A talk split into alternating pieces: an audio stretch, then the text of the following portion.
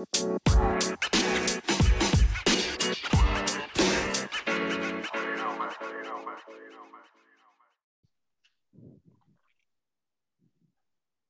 og velkommen til eh, Jordbrukspodden. Eh, I dag er vi så heldige å få med oss Rashid Bendris i podkasten vår. Og Rashid, du er eh, daglig leder i North Energy og brukte store deler av ditt yrkesaktive liv til å verdsette selskaper og analysere verdier. Kan ikke du eh, introdusere deg litt sjøl for eh, alle som ikke kjenner deg? Eh, absolutt. Eh, du var inne på det. Det har jo vært, eh, vært mitt, eh, mitt, virke og liv og hobby. Når man driver med det her, så blir det ikke bare en jobb, det blir en livsstil. Og det blir også hobbyen min. Men ja, jeg er nå i dag daglig leder og medeier i, i North Energy, som da er et industrielt investeringsselskap. av skulle klokka tilbake i tid, så er jeg av utdanning siviløkonom uh, tilbake fra 1994. Mm. Eh, etter det dro jeg til eh, London. Jobbet da i en amerikansk investeringsbank som heter Morgan Stanley. Hvor min første oppgave var å jobbe med fusjoner og oppkjøp innenfor finanssektoren i Europa. Banker og virkelighetskap var medskyldig i at DNB og Vital i sin tid ble slått sammen. Alternativet til Vital er i og for seg et nederlandsk virkelighetskap, så vi kan være glad for at det endte som det endte. Eh, etter det tilbake i Norge, så fra 1999 og fram til 2011 så jobbet jeg i en nordisk investeringsbank som heter Carnegie. og Startet der med å være leder for analysevirksomheten vår innenfor energisektoren. Jeg eh, ble etter hvert også da leder av eh, securities-virksomheten, eller verdipapirvirksomheten i den norske virksomheten. Og fra 2011 frem til i dag eh, drevet eh, da som investor for meg selv og i partnerskap med andre, og da de siste syv-åtte årene da i Eller fra 2016 da i, i North Energy. Så ja, analysere virksomheter og verdiskapning og drive med investeringsvirksomhet, det er det, er det jeg drevet med. Ja. Vi er veldig glad for å på en måte få med oss noen som, eh, som kan prate med dette her med, med, med, stor og sterk ryggrad. i forhold til Jeg og Ola har jo brukt mange episoder på å prøve å eh, forklare litt om verdien av kapital, som på en måte er utfordringa vår i, i, jordbruket. Og, hva er det egentlig, når du som investor eh, skal velge å bruke, vurdere om du skal bruke pengene dine Eh, på et selskap eller på en bedrift. Da, og vi må jo bare presisere for lyttere her at det, en gård er jo i dette øyet òg en bedrift. da. Hva, hva, er det du tenker i, hva slags vurderinger gjør en investor da?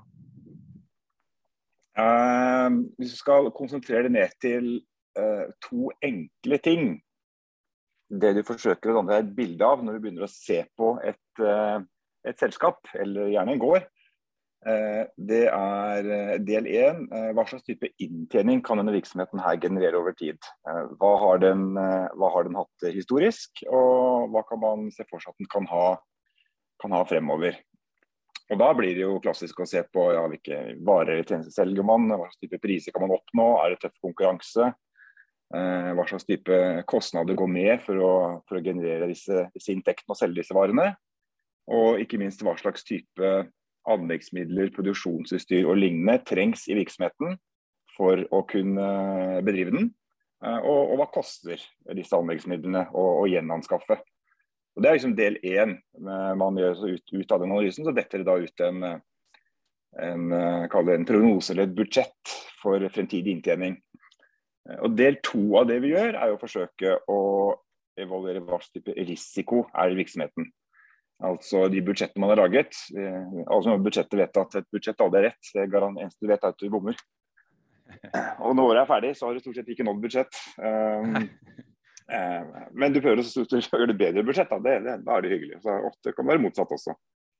Men det du da forsøker å evaluere, er sånn, hva er svingningsrommet rundt denne forventningen. Altså er det slik at uh, Tenk eksempel du kjøper et, et bygg, da. Du er eiendomsinvestor. Og så mm. inngår du en uh, tiårs leiekontrakt med staten som motpart. Da vil du tenke at dette er ganske trygt, det budsjettet er det kommer til å holde. Det, hva du får i leieinntekter hvert år, det er fast bestemt. Uh, eneste usikkerheten du har, er de kostnadene du har til å vedlikeholde byggekartet underveis. Men det, det, er ganske predikerbart. Mm. Tenk deg andre alternativet. Du kjøper et, et tankskip uh, som driver med frakt av råolje.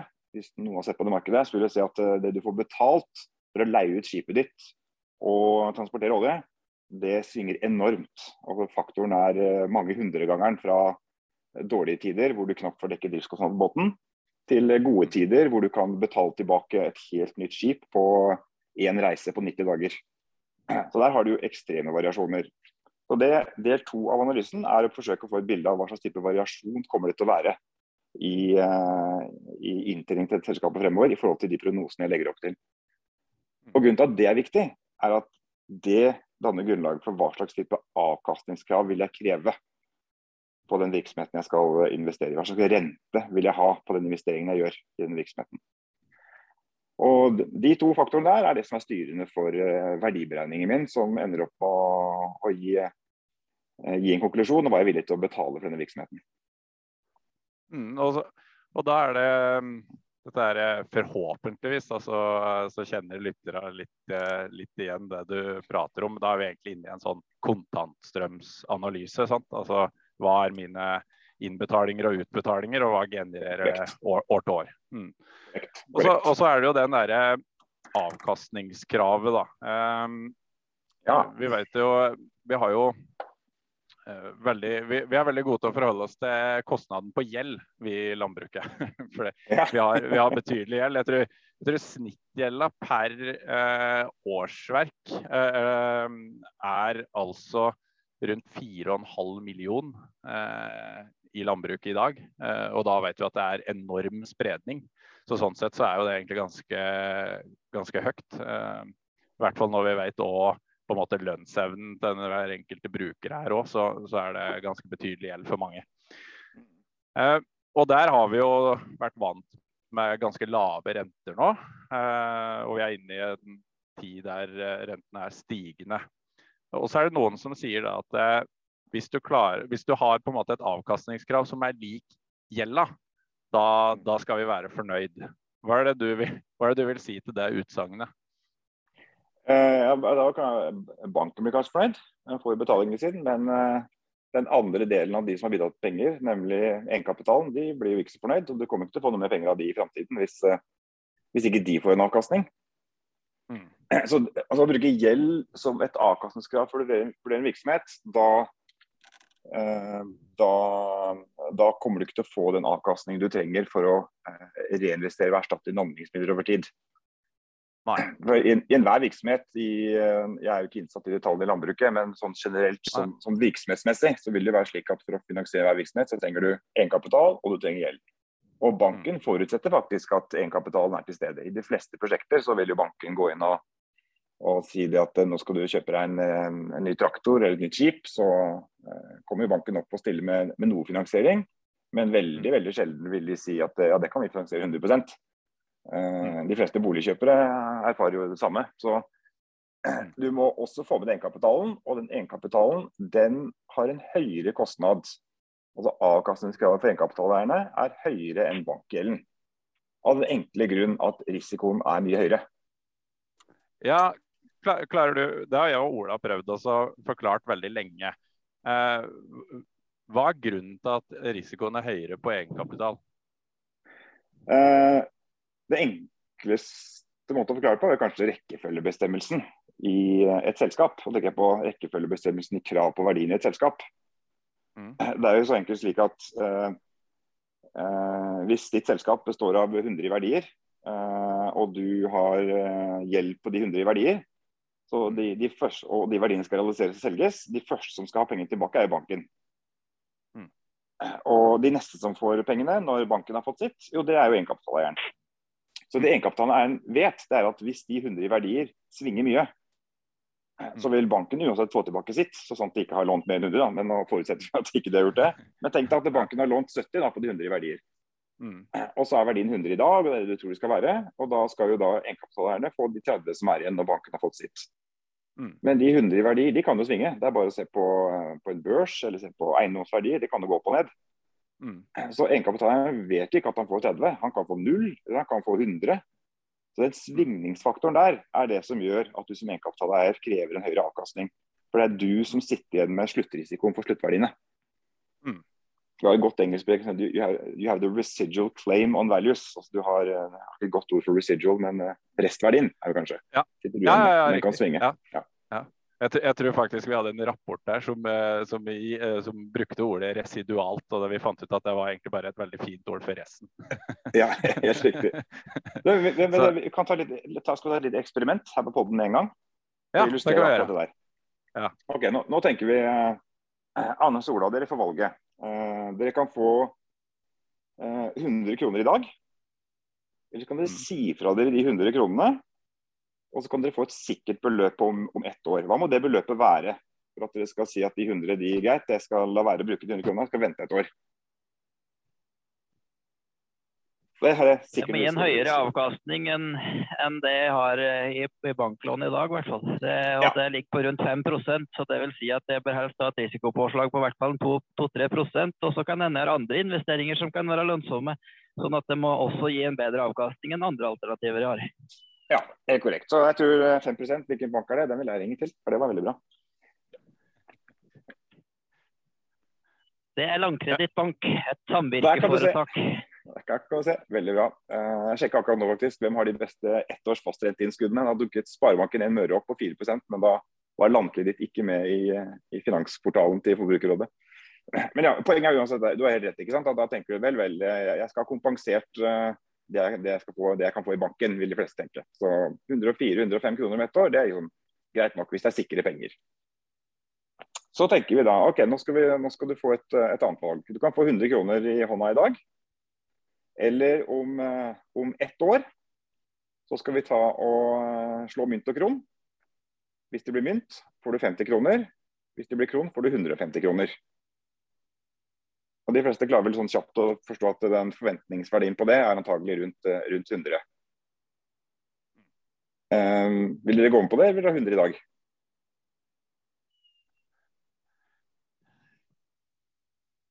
Jeg liker ikke risiko. Nei. Nei, ikke sant? De fleste begynner å tenke sånn, ok, vent da. Jeg kan få 150, men kanskje det bli 50, liksom. Og, og altså, Forventningsverdien er jo 50 sannsynlighet når jeg flipper en, uh, Eh, når jeg kaster mynt, om det blir mynt eller kron, så forventningen for den er jo sånn 100. Det er, jo ikke, det er jo ikke helt godt nok. Og Så kan du begynne å spørre alle folk ok, hvor mye mer enn 150 må du få hvis det blir kron, for å akseptere å droppe 100 kroner i dag. Og Da begynner du å få et sånn illustrasjon av, av, av risiko. Jo, det må, Kanskje du må opp til 170, 180, kanskje til og med 200 kroner. Så 200 på kron og 50 på mynt, da, da begynner det å bli greit. Liksom. Det vi nå har illustrert, det er at du skal ha betalt mer for risiko forventningsverdien begynner å stige til et nivå hvor, hvor det du egentlig snakker om, du skal ha 10-15% er det du, du, skal på forventningsverdi ha.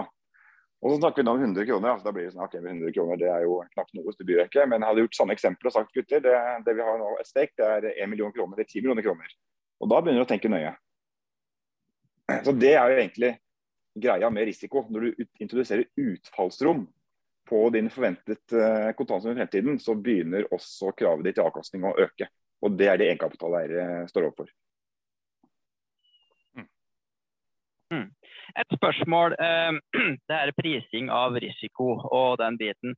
Eh, det er jo hovedsakelig jo mange finansieringsformer. Hovedsakelig så har du jo aksjekapital, du har standard banklån og så har du obligasjonsmarkedet.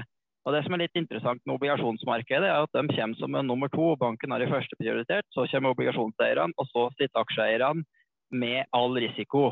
Men på obligasjonssida har du jo faktisk et prisingssystem der du har eh, score på, på eller Det kan du forklare mye bedre enn meg. Kan du si litt om hvordan den priser obligasjonsgjeld? For det er jo litt interessant. for at eh, Banken vet jo ikke nøyaktig hvilke vurderinger du gjør, men i obligasjonsmarkedet så ser du jo nøyaktig hva eh, rentene faktisk er da, på de obligasjonslånene.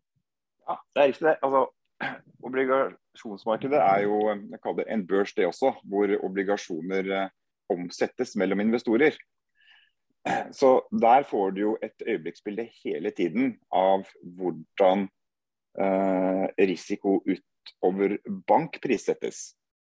Nå skal man huske på at En obligasjon er jo egentlig bare en eh, banklån som heter noe annet. Det er jo Fra bedriftens ståsted så skal du betale renter og avdrag til en bank eller til en obligasjonseier. Eh, aksjeeierne skal jo ha utbytte, så det kan jo variere. Men en obligasjonseier skal, ha, skal motta samme kontantstrømsprofil som en bank. Men hvis det er slik at et selskap har både bankgjeld og obligasjonsgjeld, og det er som du nå beskrev, Ola, at du har bankgjelden ligger først i køen, eh, og deretter eh, kommer obligasjonseierne og, får, og er nummer to i køen, så vil jo de ha en noe høyere risiko enn det banken har. Og Det ser du jo prissatt i obligasjonsmarkedet hver dag. og Mekanismene der er jo, er jo typisk det at uh, enhver obligasjonsinvestor vil jo vurdere liksom, hva er sannsynligheten for at denne bedriften som jeg har nå lånt penger til gjennom, uh, gjennom uh, mitt obligasjonslån, kan betjene rentene som ligger på dette lånet, og til slutt betale tilbake hovedstolen på lånet som, som jeg har gitt dem. Og Gjennom denne her vurderingen der, så får du da gjennom så får du prist ut en slags implisitt eller indirekte rente på, på obligasjonslånet, som du typisk vil se ligger ja, Det kan være alt fra 0,25-0,5% over bank til mange prosentpoeng over, over banklånet ditt der. Så igjen en illustrasjon av at når du, når du faller ned på rekkefølgen av krav på selskapsverdi, så, så stiger avkastkravet.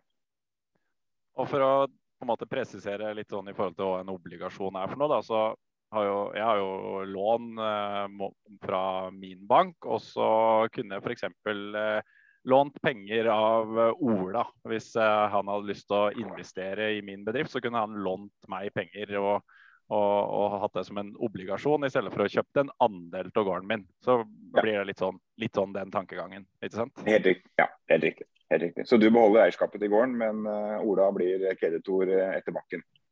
Mm.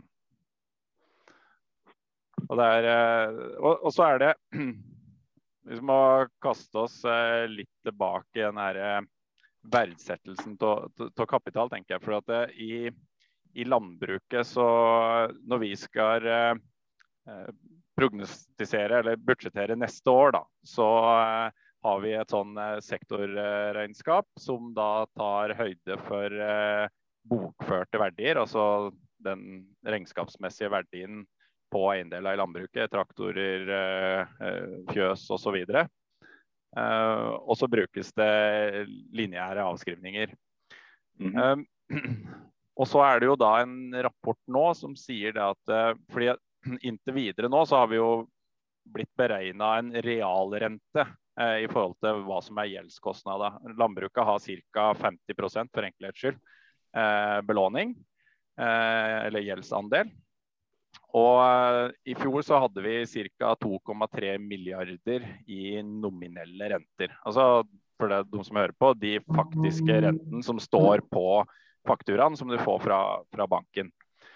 Men så gjør sektorregnskapet vårt en liten øvelse der du beregner en gevinst på prisstigninga på de kapitalobjektene som er belånt. Altså, ta f.eks. fjøs. da. Det sier at alle fjøs er, eh, er, belånt. sånn at når fjøs stiger i verdi, og de stiger jo i verdi pga. at innsatsfaktorene til å bygge fjøs blir dyrere, eh, så regner de med en gevinst på det. Og den gevinsten den var på 2 milliarder i fjor. Sånn at eh, de faktiske rentekostnadene som ble ført på landbruket, det var faktisk kun 300 millioner.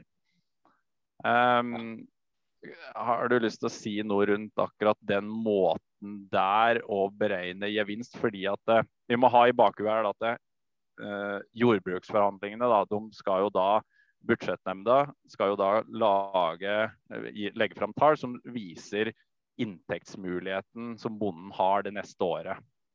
Eh, kan du si noe om den realgevinsten som de beregner der på 2 milliarder? Eh, føler du at det sånn prinsipielt er riktig å legge inn når du skal beregne næringsinntekter det neste året? Så Du tar altså en, eh, en fiktiv kapitalinntekt og inkluderer som inntekt i regnskapet, var det sånn å forstå? Ja, det er riktig. Ja, Det er litt sånn som skatteutvalget skal gjøre med boligene våre. Eh, ref. gårsdagens, gårsdagens prestasjon. Ja, ja riktig. Så, så, det ligger til grunn som en inntekt når man da skal beregne hva landbruket faktisk tjener. Vel, eh, eh, den er jo som jeg sa, det er jo en, er jo en fiktiv inntekt. Uh, du kan jo snu på dette. Egentlig så er det jo en erstatningskostnad som du må tenke på. For en eller annen dag så skal du jo bytte ut noe i dette fjøset eller den traktoren eller hva det skal være, som plutselig mm. koster 20% mer enn den gjorde da du anskaffet den. Mm. Hvis du ikke fanger opp den kostnaden når du gjør dine kalkyler, eh, ja, da får jo ikke kapitalen den avkastningen den skal ha. Nei. Og inntekten den er fiktiv, med mindre du kan snu deg rundt da, og selge selge gård til den fiktive verdien. Ja. Men da har, du, da er du like langt, da, for da skal du ta penger og reinvestere i ny gård til akkurat samme markedspriser, så da har det ikke skjedd noe. Nei, nei og det er, det er jo det, det er, det, er, det litt godt å høre ditt resonnement på det òg, fordi det er jo det vi på en måte har sagt hele tida. At den her jordbruksforhandlingene det må jo være budsjetteringer for en løpende matproduksjon. Det er jo på en måte derfor vi er, har livets rett, at vi skal produsere mat. Og som du sier, da, så da må du selge ut, og så må du kjøpe inn på akkurat samme sum som du solgte før. Så da er jo den reelle Det, det er ingen gevinst der. Nei, um, det er korrekt.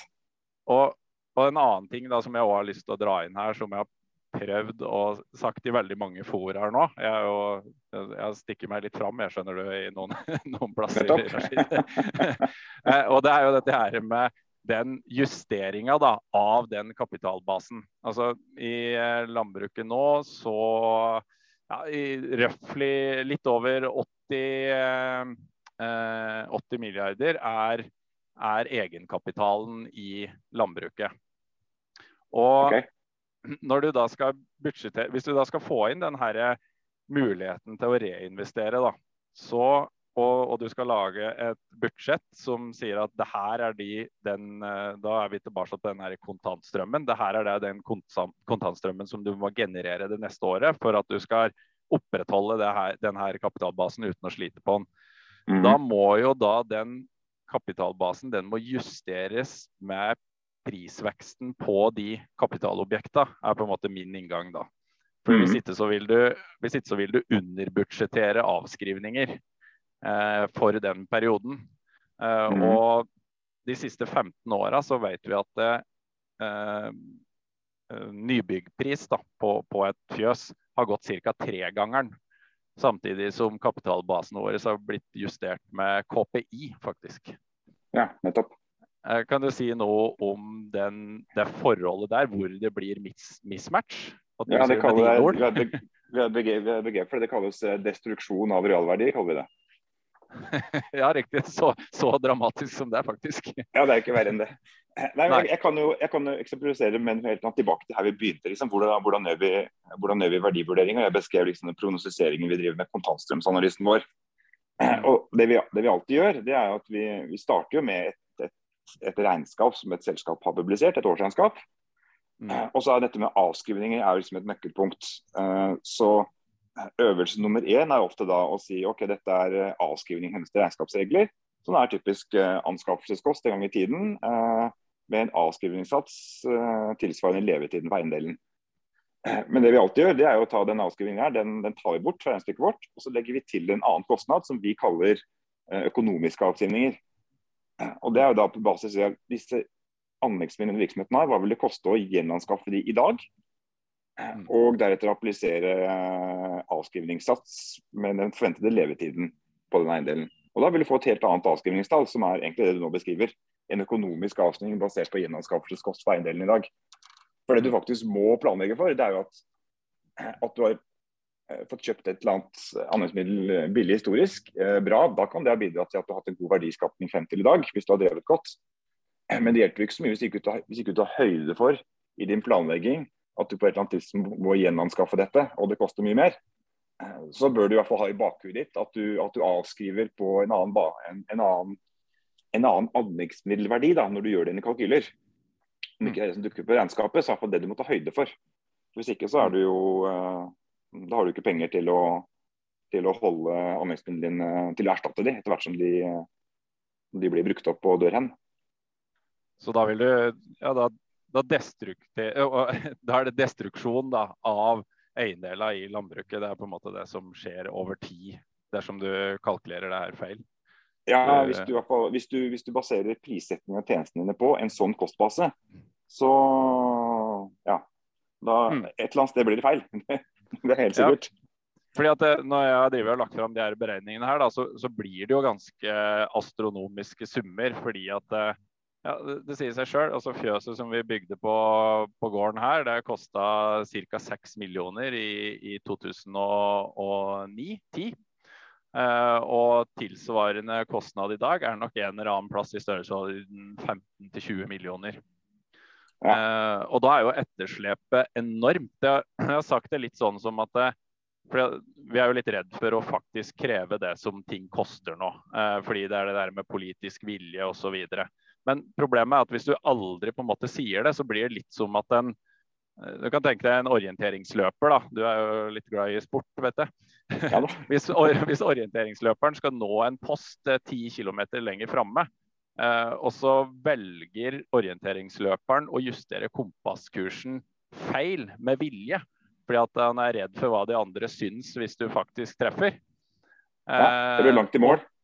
Ja, men, men, men, men norsk landbruk da, de velger fortsatt å prøve å løpe de ti kilometerne. og ti ja. kilometer lenger framme, da, da, blir avstanden blir verre og verre.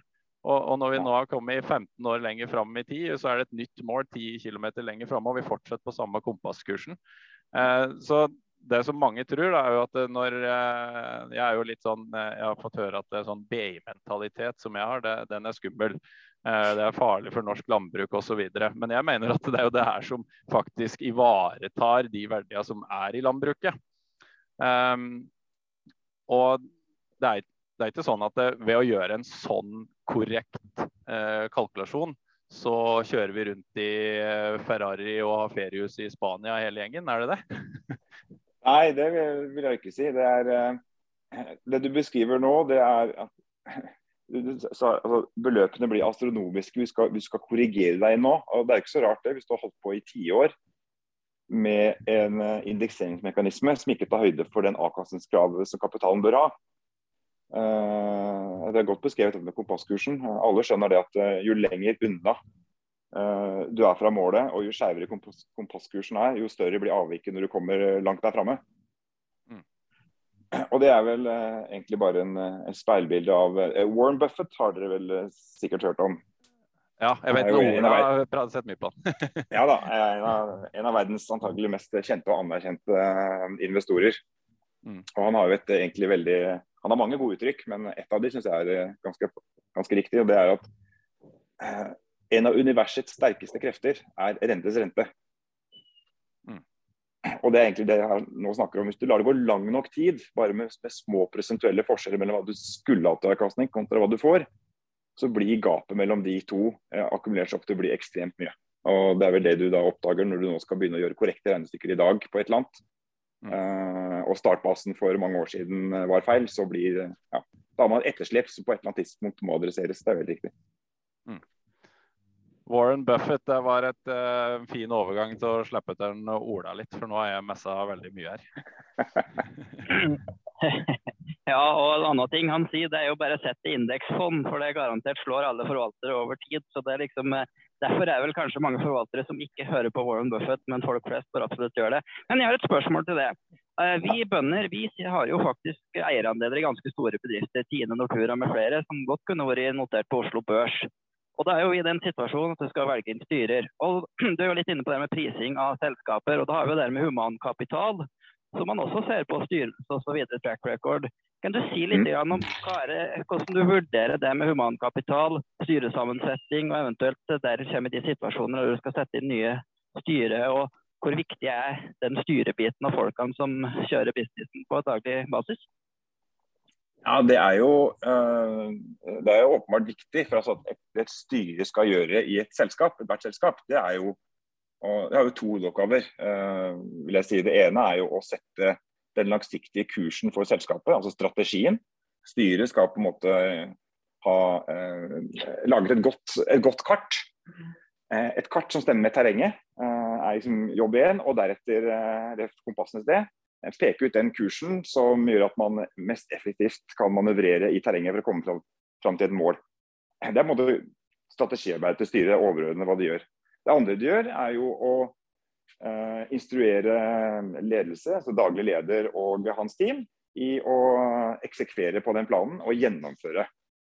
Og også overvåker at ledelsen faktisk uh, følger planer og gjør den jobben de skal, og, og tar vare på bedriftens midler på best mulig måte. Så um, Styret er viktig for å sette, sette kurs og, og, sørge for at de anleggsmidler og den humankapitalen en virksomhet har, utnyttes på best mulig måte. Eh, til det beste for alle stakeholders, som vi kaller det, alle interessentgrupper. Det være seg eh, kreditorer, aksjonærer, eh, ansatte, leverandører og omgivelser for øvrig. Så ja, det er riktig.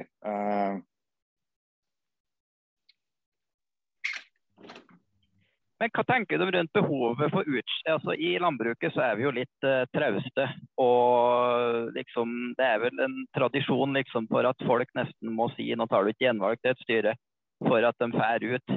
Mens i bedriftssammenheng går ting dårlig, så er man litt kjappere på avtrekkeren til å gjøre grep. Hva tenker du om viktigheten av å være proaktivt, og hvis tallene begynner å ikke stemme, at man rett og slett gjør grep tidlig i fase? Um, ja, det er det, det, kan, det, kan, være viktig. Det er som du sier, det eh, tempoet på den type handling er nok litt større kanskje i de mest konkurranseutsatte private delene av næringslivet. Eh, og det, det er i og for seg plusser og minuser, men det, er ikke slik at det er bra i alle sammenhenger heller. Men når ting begynner å gå litt ut av kurs, så må det åpenbart stilles krav til styret om en, nå må et eller annet gjøres. Og hvis ikke dere har en plan for å gjøre det, ja, da får vi finne noen som faktisk kan gjøre noe med det. Så å ta de grepene tidlig nok uh, vil jeg si er, er ganske vesentlig for å ivareta verdien og arbeidsplassen i en virksomhet. Men det må være åpenbart at, at styret ikke gjør jobben sin, at det er det som er årsaken. Det kan jo være andre faktorer. Et styre kan jo faktisk gjøre en fantastisk jobb, likevel så går det dårlig. Uh, og det kan ha med andre ting å gjøre enn nødvendigvis planene og arbeidet styret gjør. Men det blir litt, litt, ja, det blir litt generisk. Det er veldig mm. situasjonsbetinget. Eh, nå jobber jo du som investor, og da er det jo eh, klart man har noen mål og målsetninger på eh, hvordan man ønsker å få til en forvaltning av den kapitalen man har satt inn. og vil i praksis si hvilken avkastning er det man får til. Nå vet vi at man kan se på Oslo Børs i snitt, man kan se på andre markeder eh, og sett hva det har gått. Du kan se på innskuddsrenter. Altså, men har du noen tanker? Hvor er, liksom, eh, hvor er benchmarken din? Hvordan har du noe, liksom, eh, satt deg noen mål i forhold til hvilken avkastning skal du eh, ha på det du har satt inn over snitt over år? Hva er det som er normale nivåer? Hva er risikopåslaget bør være i forhold til eh, innskuddsrente, i forhold til hva styringsrente er osv.? Har du noen tanker rundt det? Ja, jeg tror vel den, den enkle den enkle benchmarken man har, er jo, er jo, det er jo mye empiriske studier på ak akkurat det spørsmålet her. Altså Får man betalt for, eh, for merrisikoen i forskjellige eiendelskategorier. Uh, og det du vel typisk har sett, at hvis du starter med det som anses som risikofritt, statsobligasjonsrenter, og så begynner du å snakke om påslag utover det, og så ser man vel det at snakker man om et aksjemarked. Og når vi snakker om aksjemarked, så snakker vi jo egentlig om det globale markedet for egenkapital altså alle egenkapitaleierne aggregert sett under ett. Hvor mye meravkastning har de fått for å, for å påta seg den risikoen eh, det representerer å være sistemann som får penga av en virksomhet. Og Da er det forskjellige studier som viser litt forskjellige tall, men jeg tror sånn i intervallet 4 6-7 i området der, altså prosentpoeng utover eh, statsobligasjonssikre renter, eh, er vel den, det du stort sett har fått, har fått betalt. Eh, og det er nok et, eh, et sånn eh, naturlig sånn 5-6% der omkring. Meravkastning er vel, er vel det man burde se for seg. Man kan heller se på det i nominelle eller realtermer, som man liker å si. for uh, Se bare på Oslo Børs siden uh, fødselen til det moderne Oslo Børs i 1982 og fram til i dag, så tror jeg vel, uten å ha sjekket det akkurat i dag, men da har du vel sånn over tid eh, fram til i dag fått i territoriet 8-9-10 tenker jeg, i, i, årlig avkastning over hele den perioden. Og så mm. har du eh, andre eiendelskategorier som er, eh, som er jo da mer risikofylte, hvor man da kan få noe mer avkastning utover det. Og så har du eiendom som faller et eller annet sted imellom statsobligasjoner og, eh, og aksjemarked eller egenkapital. Mm. Da eh, holder vi på å nærme oss litt tida vi har satt der. Jeg har et avsluttende spørsmål litt i forhold til det inne på. fordi at uh, har jo mulighet for å når en driver og investerer, så kan du jo gire ta opp belåning. Og så er det jo spørsmål hvordan skal du beregne avkastning. Skal man se på egenkapitalavkastning, eller skal man se på totalrentabilitet? Hva tenker du, er det litt sånn generelt hvis man skal analysere en, en næring eller en bedrift eller egne investeringer? Er det best å se på totalrentabiliteten eller egenkapitalavkastning, eller hva tenker du er liksom det beste å, å se på der? Ja, jeg tenker det Eh, det beste når du spør hva formålet ditt er. da. Eh, men skal du sammenligne næringer og du skal ja, evaluere gård 1 mot gård 2, hvis det er et regnestykke du gjør, så vil jeg si helt klart totalkapitalrentabiliteten er det som styrer det. I finansteorien så har vi et litt enkelt begrep. altså en, en, virksomhet, en, virksomhetsverdi er uavhengig av hvordan det er finansiert. Sagt på en annen måte, Den kontantstrømmen den gården kan generere, Eh, før renter og avdrag eh, forandrer seg ikke om du har 20 gjeld eller 50 gjeld eller 80 gjeld, isolert sett. Eh, traktoren blir ikke mer eller mindre verdt fordi du har mer gjeld på den. Traktoren som sådan.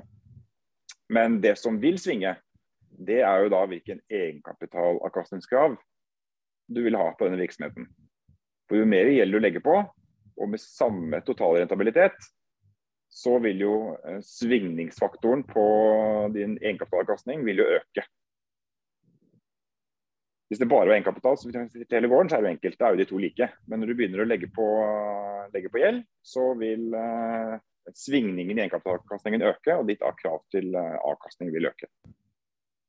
Men hopp tilbake til uh, spørsmålet, Ola. Uh, enkle svaret er du vil helt klart se på totalrentabiliteten når du skal evaluere en virksomhet, og hvordan du skal sammenligne virksomheter det er, eh, det er lakmustesten. Det er der det starter. Det er der verdiskapningen starter. Den starter ikke på finansieringssiden. Ja, jeg vet Ola sa det var siste spørsmål, og jeg har så lyst til å ta ett siste spørsmål Rashid, før, før vi runder av. Det, det, her er så interessant. Men eh, vi prøver veldig å jobbe med dette her i forhold til investeringsstøtte. Landbruket er veldig glad i investeringsstøtte. Eh, vil investeringsstøtte si at du får 20 da, eh, til å dekke investeringa i et fjøs. Vil mm. det øke lønnsomheten i prosjektet eller fjerne risiko?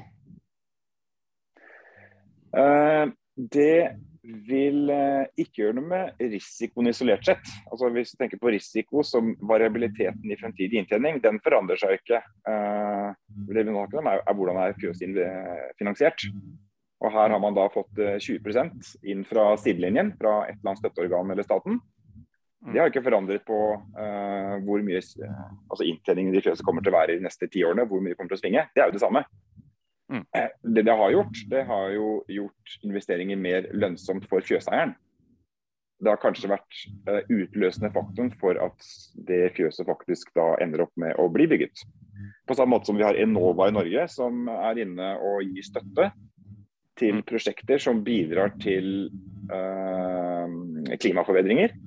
Fordi prosjektene alene uten støtten ikke blir realisert. Men da sier eh, AS Norge som stat at vel, det er andre elementer, samfunnskostnader, som blir ivaretatt, som ikke dukker opp i en bedriftsregnskap, regnskap, som, som, vi vil dekke for å, for å sørge for at dette, dette blir realisert. Og da er det rasjonelt fra et samfunnsperspektiv å gi den støtten som gjør at investeringer blir lønnsom for bedriftseieren. Rett og slett, skal, eh, Kontantstrømma skal rett og slett forsvare en litt lavere investeringssum? Ja. Mm. Ingen forandring i risiko, men lønnsomheten har blitt bedre for uh, eieren av loven. Mm. Mm. Eh, da skal vi respektere tida di, Rashid. Tusen takk for at du holdt ut litt lenger enn det vi sa initielt her. Det er bare hyggelig. Interessant dette her. En litt ny arena i forhold til hva jeg jobber med. Det er veldig spennende.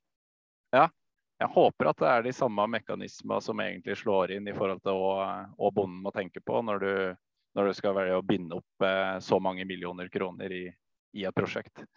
Så... Jeg kan si det, um, Ola Anders, det, det, burde være det. Og så mm. skal, ikke jeg, skal ikke jeg ha noen mening om uh, hvordan ting faktisk er, men uh, prinsipielt så burde det være slik. Ja. Tusen hjertelig takk for at du uh, ble med oss. Uh, og så får ønske deg en eh, god dag videre. Veldig bra. Takk. Takk selv, gutter, og god jul. God jul, ja. God jul.